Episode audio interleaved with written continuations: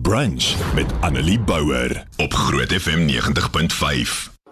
So gister vat ek my boetie se dogtertjie ballet toe. Sy's 5 jaar oud en ek eh, dis my altyd lekker om hierdie dinge te kan doen as 'n tannie om so deel van hulle lewe te kan wees.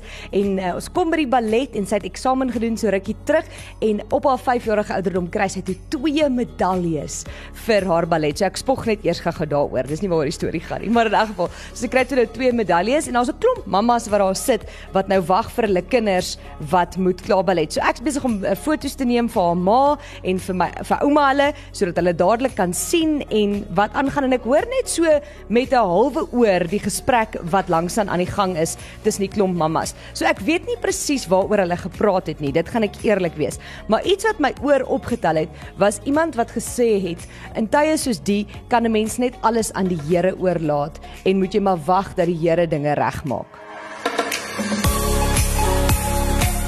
Dis 'n ongelooflike mooi ding om te sê. Is om te sê gee alles oor aan God. Gee alles oor aan die Here en vertrou op hom dat uh, dinge dan sal uitwerk. So moet my nie verkeerd verstaan nie. Die mamma was glad nie verkeerd om dit te sê nie en soos ek sê, ek weet nie eers waaroor die gesprek gegaan het nie. Ek het net daai deel gehoor. Maar wat ek baie oor wonder want ek hoor dit gereeld is mense wat sê ons moet al, ons gee dit oor aan die Here. Laat dit oor aan die Here is of ons wel gaan hou van die antwoord wat ons kry.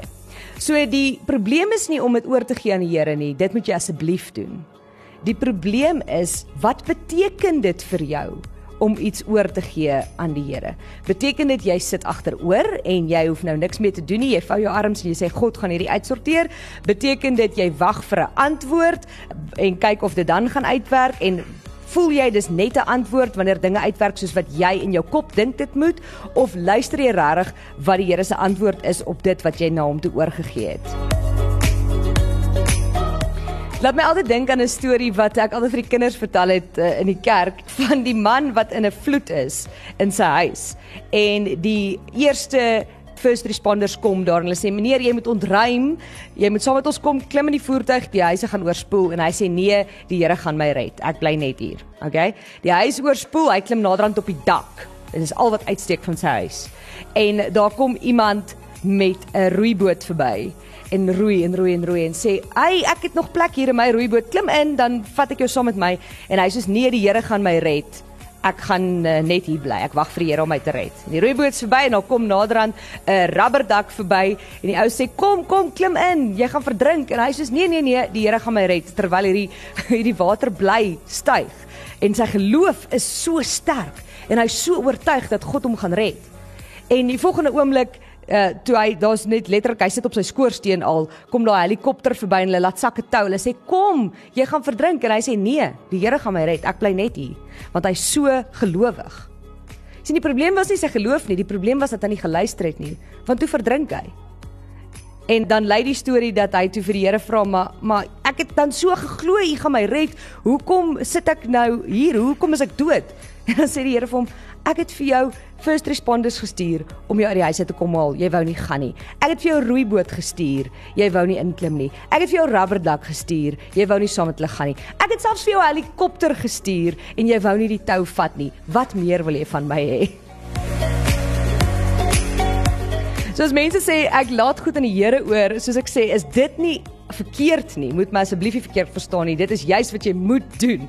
Die vraag is, as jy goed aan die Here oorlaat, Hoe doen jy dit en wat verwag jy?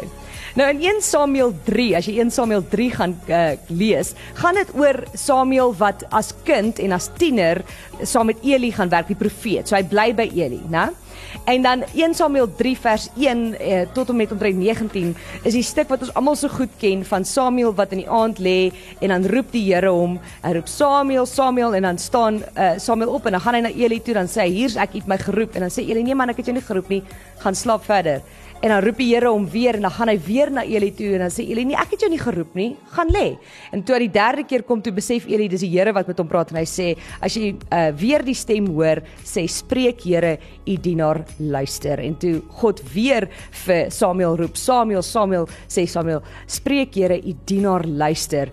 En toe sê die Here vir hom wat hy wil hê hy moet doen en wat hy van hom verwag.